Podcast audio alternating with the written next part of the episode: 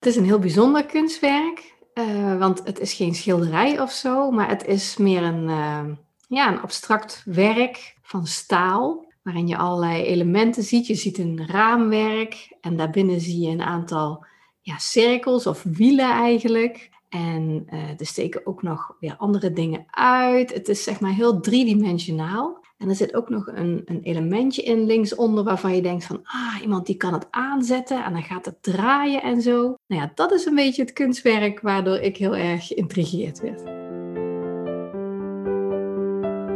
Deze podcast gaat over mensen zoals jij en ik.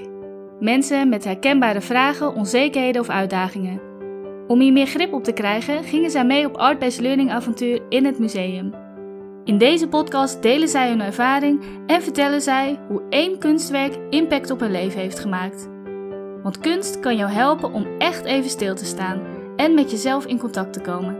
Ik neem je mee in de wondere wereld van art-based learning. Ga je mee?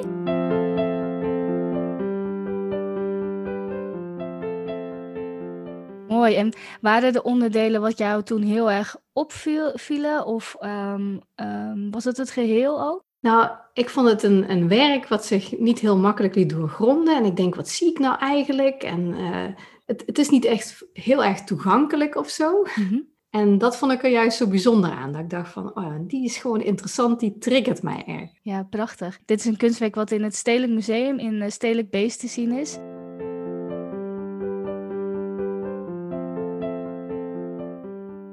En wil je eventjes kort voor de luisteraar vertellen wie je bent? Wie, wie is Sandra Poelman? Nou, mijn naam is Sandra Poelman. Ik ben uh, stadmaker van beroep, herontwikkelaar van bestaande stukken stad die uh, hun oorspronkelijke betekenis hebben verloren, waar eigenlijk uh, situaties zijn van leegstand en van neergang. En ik begin dan zeg maar weer om het, ja, om het zaakje weer aan de gang te krijgen, levendig te krijgen, tot ontwikkeling te brengen. Dat is mijn, uh, mijn beroep. Uh, ik ben eigenaar van Glowing Places, een adviesbureau voor stedelijke transformatie en nieuwe economie.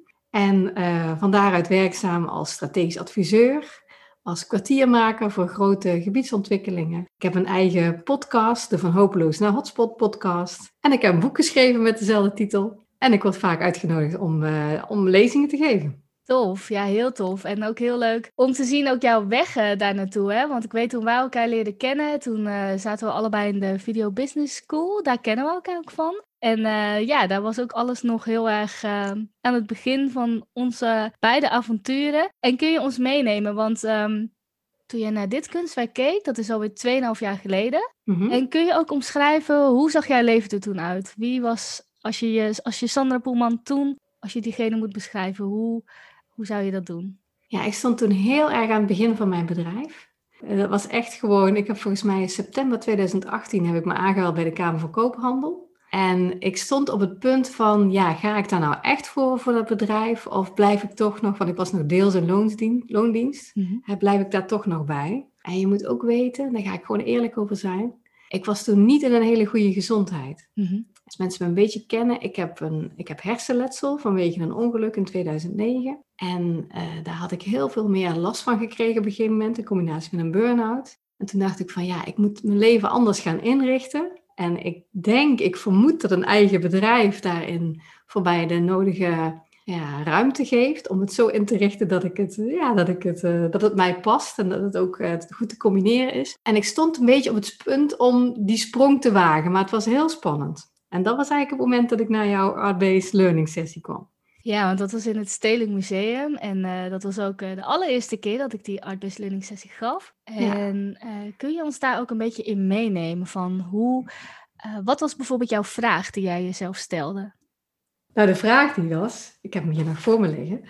Is het nu echt tijd om de sprong te wagen naar mijn eigen bedrijf? En hoe kom ik, in godsnaam, in een positieve flow? Wauw. Ja, dat was mijn vraag waar ik toen mee binnenkwam. En de grap is, ik dacht van ja, ik ga gewoon, ik, ik ga naar dat uh, Art-Based Learning event toe. Ik had uh, niet echt een mega verwachting. Ik denk, oh, dat is een leuk uitje. Mm -hmm. En ik vond het fijn, want hè, ik kende jou van Video Business School. Ik denk, oh, dat is leuk. De eerste keer, dan kan ik ook een beetje Roemenen supporten. En dan kan ik connecten met leuke mensen. Daarom kwam ik, weet je wel. Maar het heeft me veel meer gebracht dan dat. En dat vond ik zo bijzonder. En dat is ook eigenlijk de reden waarom ik deelneem aan deze podcast. Uh, om dat gewoon ook echt te markeren van, nou, er gebeurde wel iets bijzonders. Leuk om te horen ook. En ook dat je heel erg, eigenlijk heel open daarin ging die dag. Ja, ja, ja zo ben ik wel.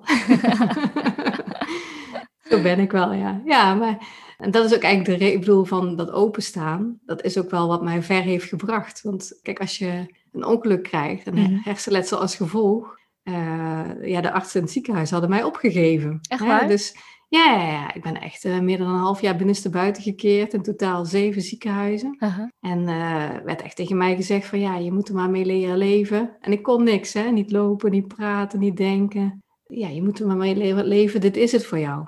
En het is dat ik me heb opengesteld voor allerlei alternatieve geneeswijzen. En dat gewoon ben gaan proberen. Dat ik uiteindelijk een weg heb gevonden via uh, acupunctuur. Waardoor ik er toch langzamerhand weer bovenop ben gekomen. Wauw, bizar. Had je daar echt heel erg last ook van in je, in je, in je ja, dagelijks functioneren dan? Dat je zegt, ik kon niet praten, maar is dat ook vlak voordat je toen naar het museum kwam? Nee, nee, nee. Ik heb het ongeluk gehad in 2009 en ik ben uiteindelijk in 2,5 jaar gerevalideerd naar weer volledig aan het werk. En uh, ik was destijds uh, ambtenaar bij de gemeente Eindhoven. Nou ja, voor een hopeloos geval als mij hadden ze een hopeloos project gevonden. en ik hou altijd wel van, van een uitdaging, zal maar zeggen. Ik heb onder andere uh, Domus Dela heb ik toen opgestart. Dat was echt toen het zich voordeed, was het een kloostercomplex waarvan niemand wist wat er in godsnaam mee aan te moeten. En het was ook nog economische crisis. -huh. En dat trok mij aan. Ik dacht van, nou, ik zie heel veel kansen. Dat is mijn ding. Hè. Ik zie altijd kansen en mogelijkheden waar mensen alleen maar pro problemen zien. En ik heb dan de, de wil en de drive om te onderzoeken van hoe dat je dingen in een positieve flow kunt brengen. Ja. Om maar even dat woord ook te gebruiken. Ik heb dat gebied, ben het zelf begonnen en ik heb uiteindelijk samen met heel veel mensen uh, tot ontwikkeling gebracht. En nou ja, je mag gerust weten, inmiddels is dat een geweldig succesvol mm. project. Vorig jaar BNA Architectuurprijs van het jaar gewonnen. Uh, fantastisch, fantastisch. Maar uh, de ambtelijke wereld, waar ik dus meerdere van dit soort van ja, miljoenen projecten heb geïnitieerd en, en grootgebracht, die paste mij niet meer zo. Ik liep zo tegen de, ja, tegen de beperkingen aan waar veel mensen in dachten. Ik ben sowieso al een ondernemende geest en zeker ook door wat ik uh, in mijn persoonlijk leven heb meegemaakt qua gezondheid, was het, uh, was het lastig. En ik was toen helemaal niet meer zo, ik was toen helemaal niet zo open over mijn hersenletsel. Ik dacht steeds van, ik kan er maar beter niks over zeggen, want anders laten ze me nooit deze verantwoordelijke projecten doen. Ah, ja. Dus ik was eigenlijk uh, steeds aan het overwerken. Hè, maar steeds een bewijzen dat ik het wel kon mm. en uh, dat ik nergens last van had. En uh, ja, zo ben ik uiteindelijk burn-out geraakt. Ja, ja ik wou net zeggen, dat, een, hoe hou je dat vol? ja, dat heb ik best wel heel lang volgehouden.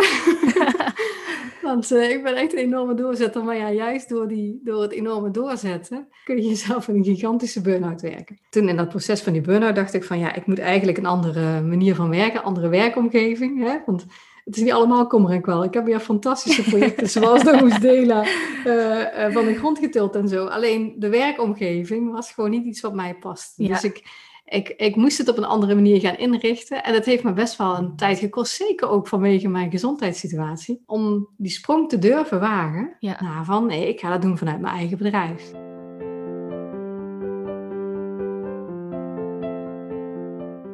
Ik sta te trappelen om al, alweer 2,5 jaar verder door vooruitspoelen. Maar daar komen we dadelijk op, want dat is natuurlijk heel mooi uh, waar je nu ook staat. En even terug naar het Stedelijk want je had jezelf dus die vraag gesteld. Ik kan me helemaal ook voorstellen en helemaal inleven ook in die vraag van... hoe ga ik dat in godsnaam doen en hoe krijg ik die flow? En um, we hadden natuurlijk ook een heel mooi voorbeeld van Sarayda Groenhart in de Video Business School... die dat ook heel erg wel aanmoedigt, hè? Van ja. jongens, ga fun maken, ga, die, ga in die flow zitten. Maar ja, ik herken heel erg dat... Maar hoe dan? Je wilt een heel concreet antwoord, maar juist met flow, nou weten we nu, gaat dat niet altijd over een heel concreet antwoord. En uh, nou, jij ging naar dat kunstwerk kijken. Kun je ons daar een beetje in meenemen, hoe dat was? Je zat daar, je, ik heb jou opdracht gegeven om daar nou wat twee keer 25 minuten echt voor te gaan zitten. Kun je ons een beetje mee terugnemen in uh, uh, wat je daar nog van herinnert?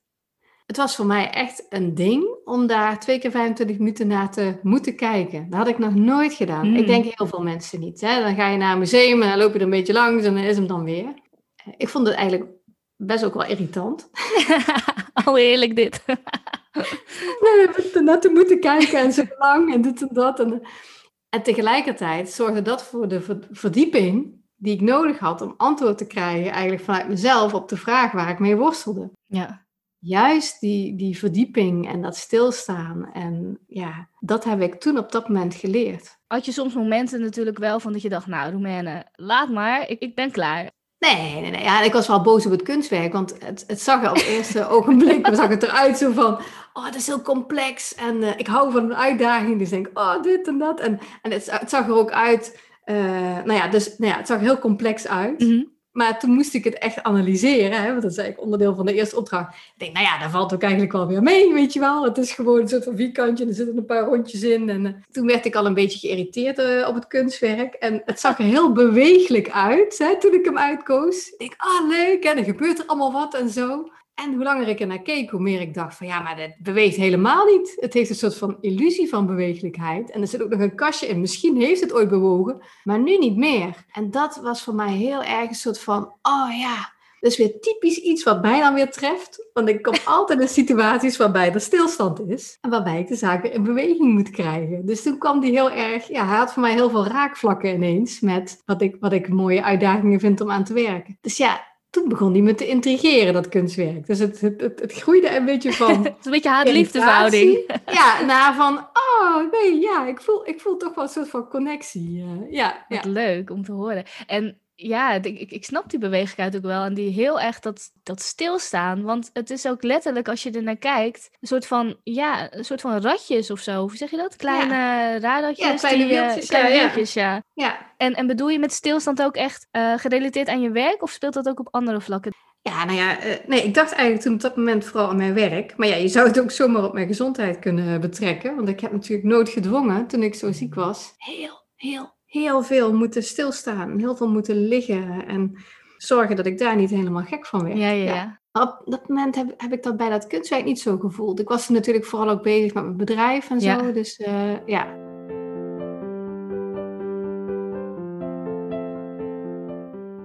We gaan dadelijk ook echt naar een fragment luisteren. Dat ga ik ook met de luisteraars delen. Uh, de stap nadat je alleen maar aan het observeren was, toen mocht je ook in dat kunstwerk uh, stappen. Ik ben heel erg benieuwd, ik, was het jou gelukt om er ook in te stappen of bleef je een beetje op afstand? Het is natuurlijk vrij abstract. Het is niet een landschap of zo per se waar je instapt. Ik weet wel dat je zei, het stond voor mij een beetje voor een stad. Ik ben, een soort, ik ben gewoon in die stad gaan wandelen, ja. Dat, hmm. dat, was eigenlijk de gedachte die net bij mij naar boven kwam. Zo van, ja, zeker ben ik erin gestapt. En ik ben gewoon echt uh, van alle kanten gaan bekijken van hé, hey, wat is hier aan de hand en wat kunnen we doen? En uh, ja. Mooi. En ook mooi dat je zegt dat je dat eigenlijk daarvoor nooit. Uh, ik denk dat heel veel mensen dat ook zullen herkennen als ze dit luisteren. Van vaak als we in een museum rondlopen, dan staan we misschien wel wat langer stil bij iets wat ons aantrekt. Of willen we er een foto van maken, of een beetje dat, of willen we lezen, waar gaat het over? Maar om echt zo lang voor een kunstwerk te staan, dat, dat doen we niet vaak. Nee, terwijl, uh, ja, dat is wel echt heel, heel waardevol. Ja. Want ik, ik bedoel, ik zal hem ook nooit meer vergeten. En ja, je gaat een soort van, je gaat in connectie met zo'n kunstwerk, maar daardoor keer je juist naar binnen. En ik had helemaal niet bedacht dat dat überhaupt mogelijk was. Ja, heel bijzonder.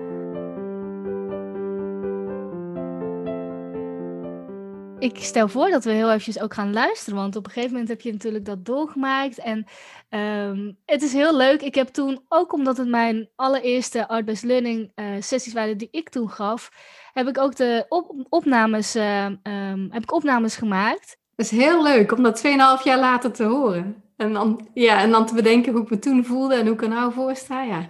Laten we er eventjes naar gaan luisteren.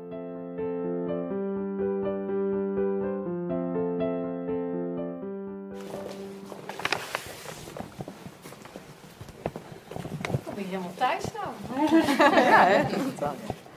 Uh, nou, mijn naam is Sandra en uh, ik durf best mijn persoonlijke vraag te delen, maar die was voor vandaag, is het nu echt tijd om de sprong te wagen naar mijn eigen bedrijf? En hoe kom ik in godsnaam in die positieve flow? Hmm. dat was het. Ja. En toen kwam ik dit werk tegen en ik denk, oh, en dat is vrolijk en bewegelijk en er gebeurt veel en het is complex. Laat ik hier eens lekker uh, bij gaan zitten. En uh, nou, wij waren zo samen het kunstwerk en ik. En op een gegeven moment dacht ik, nou, het is helemaal niet zo complex. Bij de eerste op, hè, opdracht heb ik hem helemaal geanalyseerd. Ik denk, ja, het zijn gewoon zeven wielen. En sommige dingen, haakjes zitten naar voren en naar achteren en er zit iets voor. En, dus ik had hem helemaal geanalyseerd. En toen dacht ik, godverdorie, het beweegt ook niet eens. dus uh, ik was eigenlijk helemaal een beetje boos. en uh, ja, uh, dus eigenlijk bij de tweede ronde bij associaties dacht ik van, nou, dan zit ik weer met mijn werk. kan ik er iets positiefs uithalen? En toen, wat ik net al zei, ik begon me toch te schrijven. Want voor mij representeert het heel erg een, uh, een stad.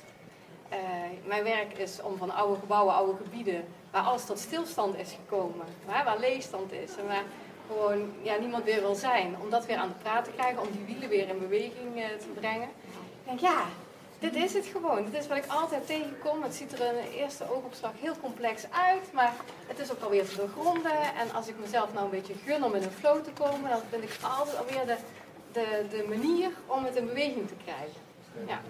Dus uh, ja, ja, heel mooi. Het was heel erg. Die wil ik ook wel, jouw kunstwerk.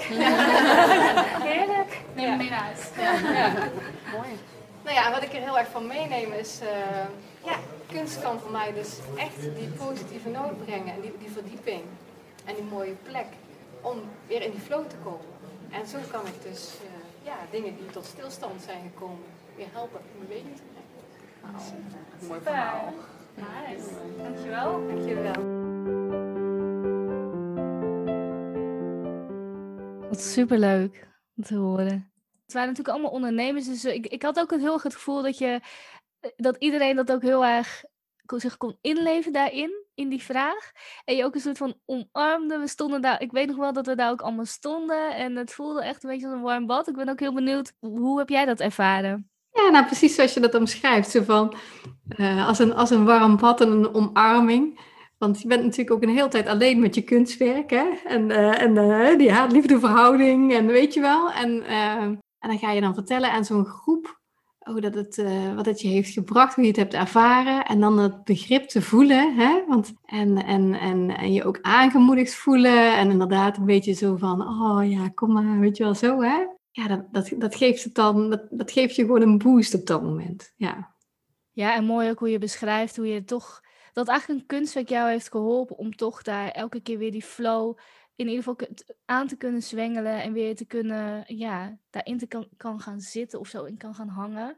Ja, gewoon als je, ik vind altijd van als je je openstelt voor dingen, dan komen er onverwachte cadeautjes en dit was er zo één. Ik dacht van ja, het is gewoon een leuk uitje. en, en, en, maar wat ik eigenlijk kreeg was een, uh, een extra tool voor in mijn gereedschapskist. Ja, manier om om even te kalibreren, om weer in flow te komen. Hè? Ik zal niet zeggen dat het de enige manier is om dat te doen. Er zijn meerdere manieren. Ik ben ook echt een, iemand die graag mediteert en zo. En uh, daar kan dat ook bij, bij uh, gebeuren. Maar ik kreeg gewoon een, een, een, hele mooie extra tool erbij. En uh, dat had ik niet zo verwacht. nu zijn we natuurlijk 2,5 jaar verder. Ik ben naar twee dingen heel erg benieuwd. Van hoe gaat het nu met je? En ik ben ook benieuwd hoe het kort nadat je die sessie hebt gedaan, wat ik denk dat mensen ook wel echt benieuwd naar zijn. Want je had natuurlijk die vraag, hoe kan ik meer in de flow komen? Je had dat kunstwerk, dat, dat zorgde daar ook heel erg voor. Kun je ons kort na die, um, ja, in die, die weken, dagen, misschien wel maanden daarna een beetje meenemen in um, ja, hoe dat toen voor jou was? Nou, wat het mij vooral heeft gebracht was dat ik me nog veel meer ben gaan openstellen voor inspiratie van buitenaf. Mm En uh, dus ik heb ook uh, ik heb aan heel veel seminars daarna deelgenomen. En uh, ja, ik had echt zoiets van: het doet me goed, het voelt goed om zoiets te doen. En laat ik dat nou maar meer opzoeken. want ik hoef het niet allemaal alleen te doen of uit mezelf te halen. Hè. Ik kan dat ook halen uit nou, een art-based learning sessie of een congres of contacten met mensen. Ik kan me meer laten dragen, zeg maar. En ik denk dat dat ook heel goed is voor ondernemers om dat te beseffen. Uh, dat je het niet allemaal alleen hoeft te doen. Natuurlijk, je bent zelf een bedrijf gestart hè, en je bent daarvoor verantwoordelijk. Maar dat wil niet zeggen dat je het allemaal alleen hoeft te doen. Ja. Je mag de omstandigheden opzoeken en de mensen opzoeken waar je je goed bij voelt. En zo raak je in die positieve flow. En dan mag je jezelf ook echt gunnen. Ik heb vanaf het begin van mijn bedrijf, zelfs nog voordat ik het had gestart, altijd geïnvesteerd in uh, mijn eigen ontwikkeling. Hè? Dus ik ken elkaar van Video Business School. Nou, dat is natuurlijk een investering, zo'n online programma. Uh, maar ik heb ook een, een, uh, een personal coach gehad vanaf het begin. En natuurlijk, dat kost allemaal geld. Hè? Maar het helpt je gewoon enorm om ja, je wat meer gedragen te voelen. En om aangemoedigd te worden onderweg. En eh, ja, dus alsjeblieft, als je een eigen bedrijf start, denk niet dat het allemaal alleen maar uit jezelf moet komen. Hè? Laat je helpen, laat je adviseren, laat je inspireren. Wauw, wat een mooie tip, Sandra. Ja, wat heerlijk. Ja, ik kan het alleen maar beamen, inderdaad. Uh, het is zo fijn ook om mensen, dat, dat, dat menselijke contact, dat je eigenlijk allemaal met mensen die daar zitten, komen natuurlijk ook allemaal voor hetzelfde. Um, uh, of tenminste, die zijn aangehaakt op eenzelfde thema of onderwerp, of het gaat ja. over ondernemerschap. Ja, heel inspirerend uh, om te horen. En dat je dat ook allemaal gewoon bent aangegaan. Kun je, weet je nog naar welke seminars of, of ja, kijk, dat is, dat is dan natuurlijk weer. Uh, ik ben natuurlijk ook wel een beetje een gekkie. Want... Zijn jouw woorden? ja, ja, ja, maar dat, dat is zo. Hè. Dus uh, uh, ik ben een beetje een gekkie, omdat ik altijd. Ik heb altijd hele grote dromen. Hè. Wat ik mm. zeg van. Ik zie mogelijkheden waar mensen alleen maar problemen zien. En ik heb dan die itch en dan moet ik het ook waarmaken, weet je wel? En, en ja, shit, omdat ik met steden werk of shit het zijn altijd megaprojecten die miljoenen euro's kosten en uiteindelijk ook gaan opbrengen. Ja. Tientallen miljoenen euro's. Ja, ja. en, uh, uh, maar ja, daar, dat vereist van je dat je niet alleen nadenkt, maar ook in beweging komt. Uh, en ik denk dat misschien voor, ja, voor jouw luisteraar wel tot de verbeelding spreekt. in november zat ik bij jou, in, ik geloof in februari was ik bij een event van Ilko de Boer. Mhm. En daar werd ik heel erg getriggerd van. uh, ik zocht naar van hoe kan ik vanuit mijn werk, wat eigenlijk een soort van hopeloos vastgoed vaak uh, betreft, hoe kan ik daar virtueel vastgoed van maken? Wat Ilke de Boer altijd zegt, hè? virtueel vastgoed. Ik denk, ik zie de connectie niet hoor, hopeloos vastgoed. Ik snap het niet. Ik heb het hem zelfs letterlijk daar gevraagd, heel die zaal, 600 man. Ja, ja. Maar het kwartje viel, namelijk door mijn kennis daarover te delen. Ik, en daarvoor had ik dat nooit bedacht. Nou ja, dus ik had bedacht van oké, ik ga mijn kennis delen, ik ga mijn geheimen delen. Nou ja, het ongelukkige toeval was dat op weg naar, uh, van, van dat congres naar mijn hotel, ben ik achtervolgd door iemand. Oh, wow. Uh, en, en dat was op de Zuidas en ik was zo boos op die plek, want hè, dat moet dan de herontwikkellocatie van Nederland zijn. Maar dat was, het was zo onpersoonlijk en geen huis om mij aan te bellen, geen Weet je wel, het was allemaal beton En, en staal en weet je wel, zo onheimisch. En nou, gelukkig kwam ik twee studenten tegen, die waren hartstikke verdwaald. Die kwamen uit Bulgarije. Daar heb jij aan vastgeklampt? Ja, die waren voor mij precies op de juiste plek. En toen dacht ik, ik zal iedereen toch eens vertellen hoe je echt aantrekkelijke plekken maakt. En wat het geheim is, hè, dat je dat namelijk op een mensgerichte manier moet doen. Het gaat helemaal niet alleen om die stenen, om die gebouwen, om dat geld. Het gaat vooral om dat het van betekenis is voor mensen, dat het een plek wordt met een ziel. Nou ja, en er zijn heel veel andere raderen waar je dan aan moet draaien dan alleen maar van het gebouw. En daar ben ik toen, toen dacht ik van, ah, daar moet ik iets mee. En, dan, en toen ben ik een boek gaan schrijven. Uh-huh. En uh, ik ben dat boek uh, niet zomaar gaan schrijven, maar uh, ik ben via Instagram iedere keer mijn geheimen gaan delen. Ja, ik heb het gevolgd, zo mooi. En, en ik wist in het begin ook niet eens dat het echt een boek zou worden, maar het was behoorlijk veel werk, kan ik je vertellen. Dus ja, en ik vond het ontzettend leuk om te doen, want ik had een soort van, ik had mijn volgers beloofd van, ik zal het jullie eens vertellen hoe het echt moet, weet je wel. En mensen vonden het leuk, die gingen het volgen, je hebt het ook gevolgd. En dat was voor mij een, een hele mooie stok achter de deur, uh, om iedere keer ook weer door te gaan. Hè? Het, moeilijkste vaak van een boek schrijven is jezelf ertoe zetten dat je ook schrijft. Maar ik had een stok achter de deur, want ik moest eigenlijk elke week toch wel minstens een paar hoofdstukken opleveren, zeg maar. Nou ja, en zo heb ik in heel korte tijd, in drie maanden tijd, heb ik uh, mijn boek geschreven. Ja. Ja, wauw. Ik heb dat uh, vanaf de zijlijn natuurlijk gevolgd via, via Instagram, wat ik echt al een briljante zet vond. Ook omdat je echt ons daarin meenam, maar ook jouw enthousiasme. Ja, en dat kan je allemaal niet echt delen als jij op je, in je werkkamertje zit en niks met ons deelt. En ja, dan mis je ook gewoon heel die ehm, connectie met, uh, met degene waar je het uiteindelijk ook wel voor doet. Want je wilt ook dat die mensen naar een bepaalde plek komen. Of uh, uh, ja, ik vond het echt briljant. Ja, ik vond het ook zo leuk om te doen. Het was ook wel heel erg veel werk, zeg maar.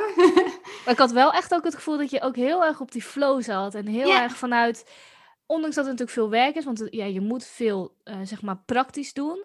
Maar dat het wel vanuit een hele, makkelijkheid is geen woord, vanuit ease of zo, dat je dat... Nou ja, maar het, het, het, was wel vanuit flow. Want inderdaad, ik had gewoon die connectie met de mensen die het volgden. En ik raakte ook steeds meer met hun in gesprek. Hè? Ik, ik leerde een manier van schrijven aan, waardoor mensen ook zich geroepen voelde om te reageren. Dat heb ik op, die manier door het te delen ook zo geleerd, zeg maar. Dus het heeft me heel veel gebracht. Eh, en het heeft er ook voor gezorgd, ben ik van overtuigd, dat het een veel beter boek is geworden dan wanneer ik het uh, alleen maar hè, vanuit mijn eigen perspectief alleen uh, had geschreven. Dus, dus ik heb me opengesteld voor een rare manier van een boek schrijven. en het heeft me heel veel gebracht. Ja, ik vind het echt, uh, ook nog steeds, dat vind ik zo leuk. Ik verkoop het boek nog steeds. Ja. Dus ik heb er inmiddels ruim duizend verkocht. En nou ja, dan steeds weten mensen mij nog te vinden. En dan weet ik veel, dan hebben we daarna even contact. En dan, ja, hoor ik dan, ja, het ligt op mijn nachtkastje en uh, ja, ik ben niet zo'n lezer. Maar dan elke avond dan denk ik van, ik moet nog even zo'n geheim lezen. En dan heb ik het geheim, geheim gelezen denk ik, oh leuk. En dan lees ik stiekem nog eentje. ja, van dat soort van reacties krijg ik nog steeds terug. En dat, ja, dat vind ik zo leuk. Ja, super tof. Dit is denk ik echt het voorbeeld van hoe flow zich echt in, een, in iets kan dat het echt iets is waar wij ook echt van, in, de, van de, in de buitenwereld van kunnen genieten. En dat je dat ook misschien ook helemaal niet van tevoren zo had kunnen bedenken. Van, uh, oh ja, dan ga ik een boek schrijven en dan ook nog via Instagram en dan ook nog van de geheimen um, ontrafelen of zo. Ja, ik vind, het, ik vind dit persoonlijk ook heel erg inspirerend om te horen. Ja, leuk. Ja, het doet, ook gewoon, het doet jezelf ook goed, weet je wel? Uh, want, uh, nou ja, misschien is dat ook wel, hè? het is geen coaching of zo wat je dan hebt, maar je, je maakt iets via uh, het publieke domein, zou je kunnen zeggen. Ja. Dat doe ik in mijn ja. natuurlijk ook. En je krijgt, je krijgt die interactie op gang en zo, en dat, dat sterkt je ook. Het is een soort van, een bedrijf hebben is ook een soort van growing up in public, ja, weet je wel? zeker. En door dat ook echt op te zoeken en aan te gaan, het sterkt je. Hè? Dus als, je, als ik kijk van waar ik nu sta ten opzichte van 2,5 jaar geleden heb ik zoveel zelfvertrouwen opgedaan. Durf ik nog veel meer, zeg maar, mezelf de, de diepte in te gooien en te zeggen van oké, en kom maar op en we gaan het doen. Ja. Uh, uh, hè, ik heb niet voor niks ook een podcast uh, opgestart. Ik heb, een, ik heb een aantal hele grote opdrachten gedaan. Nu ook weer. Hè. Ik, heb net, ik ben sinds 1 januari, januari kwartiermaker van het Helmondse stationsgebied. Ik weet sinds gisteren dat het 166 hectare is. Nou, dat is best een groot ding enorme majeure opgave. En ik denk dan van ja, en dat kan. En dat had je bijvoorbeeld 2,5 jaar geleden misschien toch anders uh, tegen aangekeken of zo, om dat überhaupt te gaan starten? Of was je misschien niet gestart? Wat denk je? Ik denk dat, dat toen, toen had ik dat zeker niet aangekund. Ook niet qua gezondheid, hè? want zoals ik al waarschijnlijk omschreven heb, in het begin van mijn bedrijf, ja, ik, ik kon nog maar een paar uurtjes werken. Hè? Ja. Hè, dus ik heb, ik heb ook mijn gezondheid uh, de afgelopen jaren steeds verder opgebouwd. En ik heb nog steeds niet, ik ben niet zo gezond als een normaal mens. Hè. Dat, dat werkt zo niet als je hersenletsel hebt. Ik heb altijd hoofdpijn, ik heb minder energie dan een normaal mens. Uh, maar ja, god, ik kan zo heel veel wel. Hè? Ja. En door me open te stellen voor dingen en door het geloof te hebben van dat het allemaal komt en dat ik het allemaal aan kan en dat ik anders de mensen of de tools op mijn pad vind die ik nodig heb om het te ontwikkelen, ja, die open houding, die brengt, die brengt je gewoon heel veel. Ja, prachtig. Ik hoop dat mensen dat ook echt meenemen uit, als ze nu aan het luisteren zijn. En ik zie dat, wat ik ook grappig vind, dat wil ik ook nog echt even vertellen. In ons voorgesprek, toen was je, uh, vertelde je natuurlijk ook waar je nu mee bezig bent met de stad Helmond. En ik had werkelijk nog nooit, tuurlijk, ik ken de stad Helmond, maar ik ken het alleen maar van dat ik een keer een verkeerde afslag had genomen. En dat we dus het bordje Helmond zagen, dat we dachten, oh jee, en nu? Want wij kennen, waar moeten we heen? Maar dat je mij ook gewoon in je enthousiasme daar ook wel nieuwsgierig naar laat worden. En dat ik denk, oh, nou ja, als we daar in de buurt zijn, wat tof. En ik weet natuurlijk ook wat je al eerder hebt gedaan en hoe je die mensen ook meeneemt. Ik vind het uh, super om te zien. Dat hele ja, ik vind het ook Helmond intrigeert mij enorm, want ze, ze zijn niet eens echt, ze zijn niet zo trots op hun stad, terwijl ja, ze hebben echt uh, een prachtige binnenstad, een heel mooi kasteel op 800 meter lopen van het Centraal Station. Dus het zit in mijn tussen aanhalingstekens uh, stationsgebied. Ze hebben prachtige cultuurinstellingen. Ze ja. zitten in die Brainport-regio met al die creatieve mensen en bedrijven. En alleen de connectie moet er nog komen, zeg maar, ook weer met het stadshart. Het is een stad die zich, Helmond heeft zich heel erg ontwikkeld met prachtige, prachtige woonwijken. Allemaal aan de randen. Ja. Uh, maar het stadshart, het stadscentrum, is niet echt in die groei meegegaan, in die ontwikkeling meegegaan. Hè? Mensen wonen in een soort van buitenwijk, in een Brandenvoort en in een Dierdonk, maar hebben dan niet echt zoiets van, oh, ik ben Helmonder en ik ga naar dat hart. Uh, en nu is het de beurt aan dat hart, om dat weer kloppend te krijgen. Het stationsgebied is daar onderdeel van. En uh, er is niks zo mooi, vind ik in ieder geval, en dat zie ik bij heel veel mensen, als een gebied in ontwikkeling. Je hebt een soort van, het is een soort van belofte van de toekomst waar je samen de schouders onder kunt zetten. Ja. Ik heb altijd zo'n gevoel van maak het mee. Hè? Doe mee, beleef mee wat, wat, wat hier allemaal kan gaan ontstaan. En, en kijk wat het voor jou voor kansen biedt. Nou ja, en dat vinden mensen aantrekkelijk om het te gaan ontdekken. Dat was bij Stripe S in het begin ook. Ik was ja, daar wil ik nog naar vragen. Wil je daar nog iets over vertellen? Want dat is natuurlijk, dat is denk ik wel een, ook een bekend project, wat mensen misschien uh, ja, ook wel eens geweest zijn. Ja, ik, ik sta helemaal aan het, aan het begin daarvan, zeg maar. In 1998 ben ik uh, gaan afstuderen op uh, Philips Complex Strijp S. moet je je voorstellen, in Eindhoven waren net 40.000 mensen ontslagen bij Philips en 6.000 bij DAF. Dat was ongeveer een derde van alle arbeidsplaatsen. En ja, dat gaf natuurlijk een enorm gevoel van crisis. En dat was ook zo. Uh, en dan kwam er ook nog al dat Philips vastgoed op de markt. En dat was allemaal ellende en zo. En ik dacht van, ja, ja, ja, ellende, maar het geeft toch ook wel kansen. Ja, ik had het voorbeeld gezien van de Witte Dame. Dat is ook een oude Philips fabriek. Die zou eigenlijk afgebroken worden, maar dat was het eerste gebouw in Eindhoven wat niet rukzichtloos werd afgebroken. Maar daar is uiteindelijk de Design Academy ingekomen. Die kennen denk ik veel mensen wel. En de bibliotheek en zo. En toen dacht ik van, oké, dat is dat gebouw. En dan heb je eigenlijk mega veel van dat soort van gebouwen op Strijp S. En wat zouden we daarmee kunnen doen? In die historie gedoken van het terrein en uh, heb ontdekt dat Philips op Strijp S zich echt heeft ontwikkeld van een leuk bedrijf via de uitvinding van de radio en de cd en de tv en noem het allemaal maar op, die ze ter plekke ook gingen produceren voor de wereldmarkt. Philips is daar gewoon een wereldspeler geworden. Om een voorbeeld te noemen, ze hebben de radio uitgevonden. En toen moesten ze fabrieken hebben en hebben ze al die grote gebouwen die nu Strijf S nog uh, tekenen, zeg maar, de hoge wit terug, hebben ze in twee jaar tijd uit de grond gestampt. Dus die pioniersgeest die ik daar aantrof en gewoon die historie, uh, gewoon geweldig. En, toen dacht ik van, oh wauw, deze plek, oké, nu weet niemand wat we ermee moeten doen. Uh, nee, 450.000 vierkante meter vastgoed. Maar Eindhoven was op dat moment een stad wel in ontwikkeling, maar toch vooral van de techneuten. Eh, net als ik, hè, want ik heb ook bouwkunde gestudeerd op de TU. Hè. Uh, ik dacht van, oh, hoe gaaf zou het zijn als we deze stedelijkheid, die het ook heeft, en deze pioniersgeest, als we daarmee mensen aan de stad zouden kunnen verbinden met veel meer de vrijdenkers, de creatievelingen, de designers, weet je wel. En uh, nou ja, ik ben dat gewoon gaan uitwerken. En tegen de tijd dat ik afstudeerde, had ik uh, mensen bij de gemeente Eindhoven enthousiast, bij Philips, mijn afstudeerprofessor Riek Bakker, die kennen mensen misschien wel van Kop van Zuid en Leidse Rijn en zo. En voor ik het wist, was het, uh, had het project wortel geschoten en werd ik gevraagd om daar stedenbouwkundige van te worden. En dus ik heb vervolgens, een, dat was mijn eerste baan, ja. Ja, dus vervolgens daar met, met ontzettend veel mensen samen een masterplan gemaakt en stedenbouwkundig plan en noem het allemaal op. En als je dan nu gaat kijken op Strijp S, dus destijds in 1998 kommer en kwel, mensen mm. ontslagen, leegstand, ellende. En het was alleen maar industrie. En nu is het echt een, ja, een, een hele belangrijke sociaal, economisch, culturele pijler van de stad. Waar duizend bedrijven zitten, waar heel veel mensen wonen, waar je naartoe gaat voor een event en, en nou ja, noem het allemaal op. Het is gewoon echt een belevingsplek van de bovenste plank. Ik krijg echt helemaal kippenvel. Ja, ja, echt. Ja. ja, en ik heb er natuurlijk, ja, ik heb er van aan het begin gestaan. Ik, en dan moet ik me altijd haast om erbij te zeggen van, ik heb het echt niet alleen gedaan. Mensen denken dan altijd dat ik het claim of zo. Hè. Ja, ik heb in het begin, heb ik die leegstaande wielen, ja, dat vliegwiel heb ik een beetje op gang gebracht. En tot op het moment dat ik dacht van ja, nou zijn er zoveel mensen bij betrokken en nou beginnen te lopen en dan kan ik weer andere dingen gaan doen. Dus ik hou heel erg van die fase van kwartier maken, van als het eruit ziet als ellende en op dan op gang te brengen en er heel veel mensen aan te verbinden en ook de kansen voor zichzelf erin te laten ontdekken. En nou ja, weet je wel, dat dat het echt wortel schiet. Ja ik vind het echt prachtig. Maar wat ik net zei, ik heb gewoon kippenvel als je zo'n verhaal vertelt.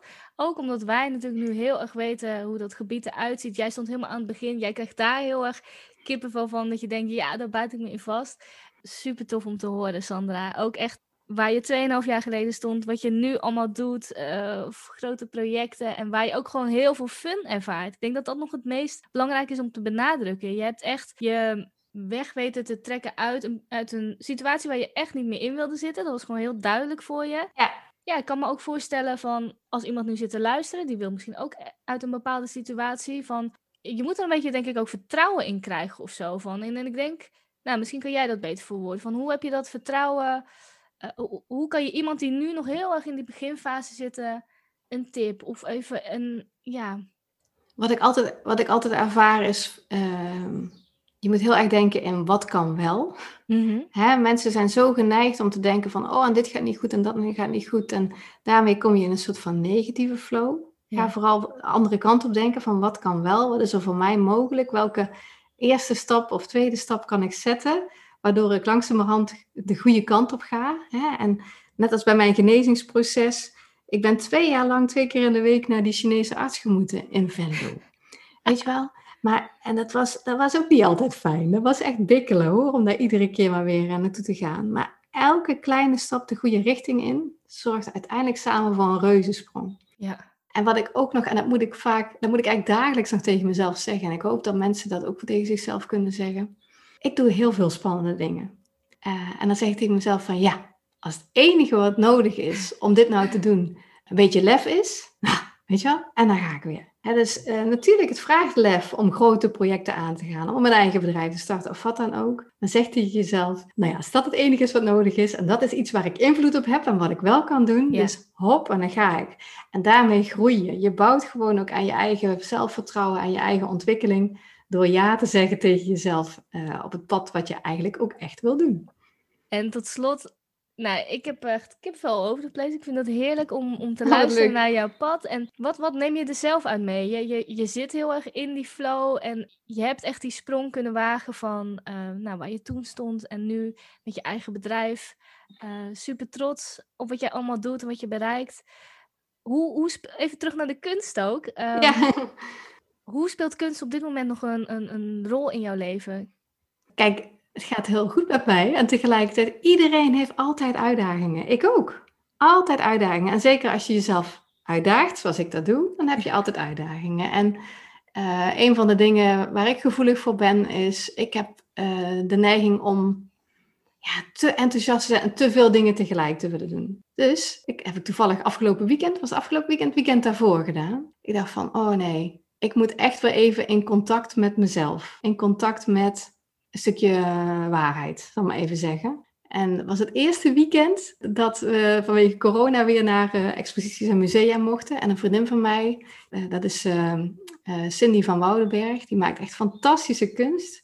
En die had een expositie die zou zes weken open zijn, maar vanwege corona was het maar twee Mm. dagen. Ik denk, ik moet gaan. Ik ga voor haar en ik ga ook voor mezelf. En ik ben dus niet zo, hè, zoals ik dat normaal gesproken had gedaan voor mijn art-based learning ervaring, zo er langs gelopen, zo van, ja, hè, mooi, Cindy, goed gedaan. Check. Check. Maar ik ben echt, eh, ik, heb een, ik, heb, nee, ik heb twee kunstwerken uitgekozen en daar ben ik echt voor gaan zitten op de grond. Dat is heel stoffig.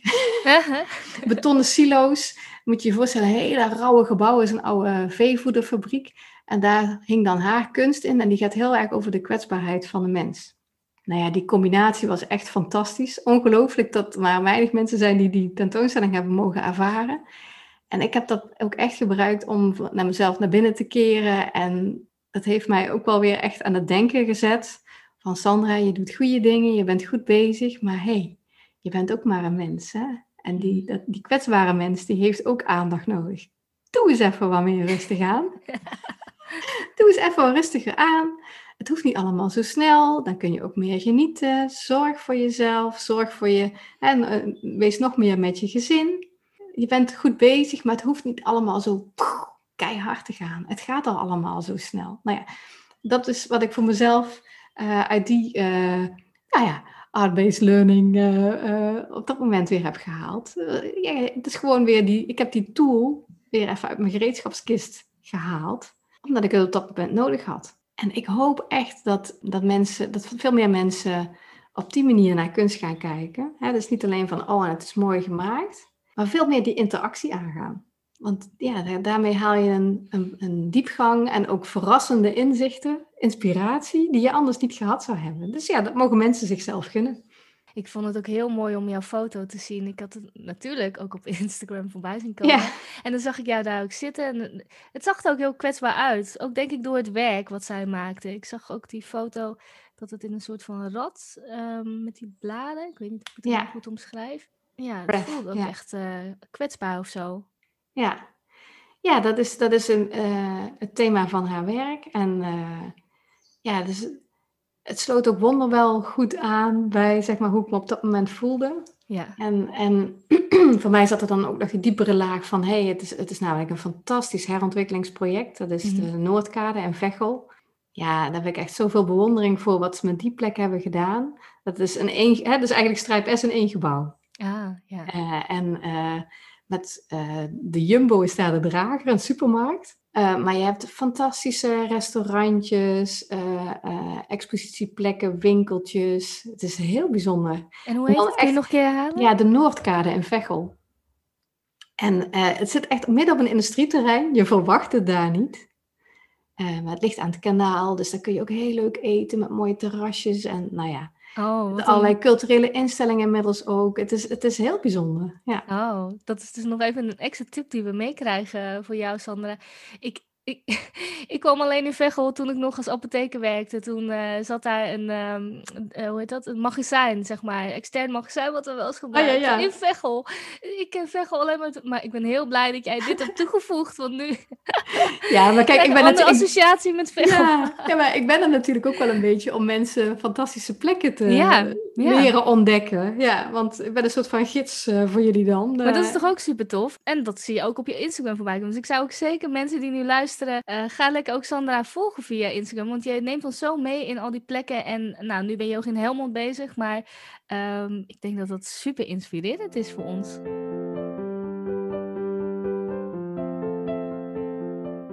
Ja, en ik- gooi mezelf nog op meer manieren in het diepe, hè, want ik ben heel erg aan het nadenken over eh, de doorontwikkeling van mijn bedrijf. Ja? Ik, ik- hè, in, Helmond als kwartiermaker, dat doe ik 20 uur in de week. En ik wil zo graag zoveel meer steden vooruit helpen. Eh, Ik kan mezelf niet eh, kopiëren, zeg maar. Dus ik ben op zoek naar andere manieren om, om dat te doen. Veel meer vanuit de, de kennis- en inspiratiedeling. En om dat nou op een goede manier te doen, heb ik me gestort in een, in een Amerikaanse mastermind. Daar heb ik voor gesolliciteerd bij Genius Network van Joe Polish. En daar leer ik zo ontzettend veel bij over ja, oké, je schrijft een boek, maar hoe zorg je ervoor dat het ook echt goed gemarkt, gemarket wordt, zeg maar. Dat mensen Ja. het ook gaan zien. En ook ehm, eh, voor een podcast en al die dingen. Dus het is, ja, het is voor mij echt weer next, next level. Ik voel me soms heel klein tussen al die eh super gedreven, purposeful entrepreneurs daar. En ik moet in het Engels met hun eh, van gedachten wisselen en zo. Maar, dus ik daag mezelf daarin heel erg uit. Maar het is zo'n eh, learning journey, echt geweldig. Ja. Nou, heerlijk, Sanna. Ik zit echt te genieten. Ik ben echt blij dat je hier ja, te gast was, ook in de podcast, dat je jouw verhaal hebt gedeeld. Ik word heel erg blij ook wat jij doet. Ehm, het is niet mijn vak, maar ik vind het zo tof wat je doet. En ik hoop echt dat je ehm, nog zoveel meer mooie dingen gaat meemaken. Heb je ook op dit moment echt een, een, een stad die echt heel erg op, hoog op nummer 1 staat, die, waar je echt mee aan de slag wilt gaan? Is er een droomstad of zo? Of ik weet niet Nee, hoe nee, werkt dat in je hoofd? Nee, nee, nee, op die manier, op die manier niet. Nee, niet zo van, oh, daar zou ik... Nou ja, goed. Eh, ja, er zijn er wel meerdere, ja, waar ik heel graag, eh, waar ik heel graag mijn, eh, ja, hoe moet ik zeggen, mijn schouders onder zet. Nee, ik kan je nou niet eentje noemen. Wat ik nog wel heel leuk vind om te delen is van, om een stad weer aan de gang te krijgen, heeft ook heel erg te maken met dat het, eh, dat het nieuwe business heeft. Mhm. Hè? Dus dat er nieuwe verdienmodellen ontstaan. En ik heb een podcastreeks, net als jij, de Van Hopeloos naar Hotspot reeks. En daarin ga ik daar heel erg naar op zoek. Eh, en ik denk dat dat ook voor ondernemers super inspirerend kan zijn. Ik heb een paar mooie podcasts opgenomen over broedplaatsontwikkeling bijvoorbeeld. Maar ook over hoe dat je eh, sociaal-maatschappelijke activiteiten aan leegstaande winkelpanden verbindt. Ik heb er nu wel eentje in het Engels dan opgenomen over design en de waarde van design in het openbaar gebied en hoe dat je daar. Ik denk dat het voor eh, ondernemers die zeg maar op bepaalde topics eh, inspiratie zoeken, ik denk dat die podcast hun veel kan brengen. Mooi. Wilde ik nog eventjes, eh, eventjes tippen. Ja, ik hou er gewoon van om de diepgang op te zoeken, mensen aan het woord te laten, hun kennis te laten delen. Dat doe jij ook. En dan op mijn gebied. En ik denk dat het ondernemende mensen die bezig zijn met hun bedrijf, of misschien zelfs wel met gebiedsontwikkeling en vastgoedontwikkeling, dat die daar heel veel inspiratie uit kunnen halen. En dan gun ik ze zo, dus daarom dat ik het nog even noem. Ja, super, dankjewel. Ik, ik, ga zeker luisteren. Ik heb, ik heb ook mijn vriend al gezegd, ga, uh, jij had vorige keer ook een, uh, een, een episode, uh, dus die heb ik ook aan hem doorgegeven. Ja. ga het zeker luisteren, ook al is het niet je vakgebied, maar het is zo inspirerend, ook voor ons ondernemers. En um, Sandra, ik wil je echt onwijs bedanken. ik wens je al het geluk en al het mooiste voor de toekomst. En dankjewel dat je er was. Heel graag gedaan. Jij bedankt en ik gun je ook alle goeds, Romein. Heb je ook een vraag of uitdaging en ben je nieuwsgierig hoe kunst jou hierbij kan helpen? Volg de Kunst Verbindt podcast community op Facebook en blijf op de hoogte van de aankomende Art-Based Learning sessies. Tot snel in het museum!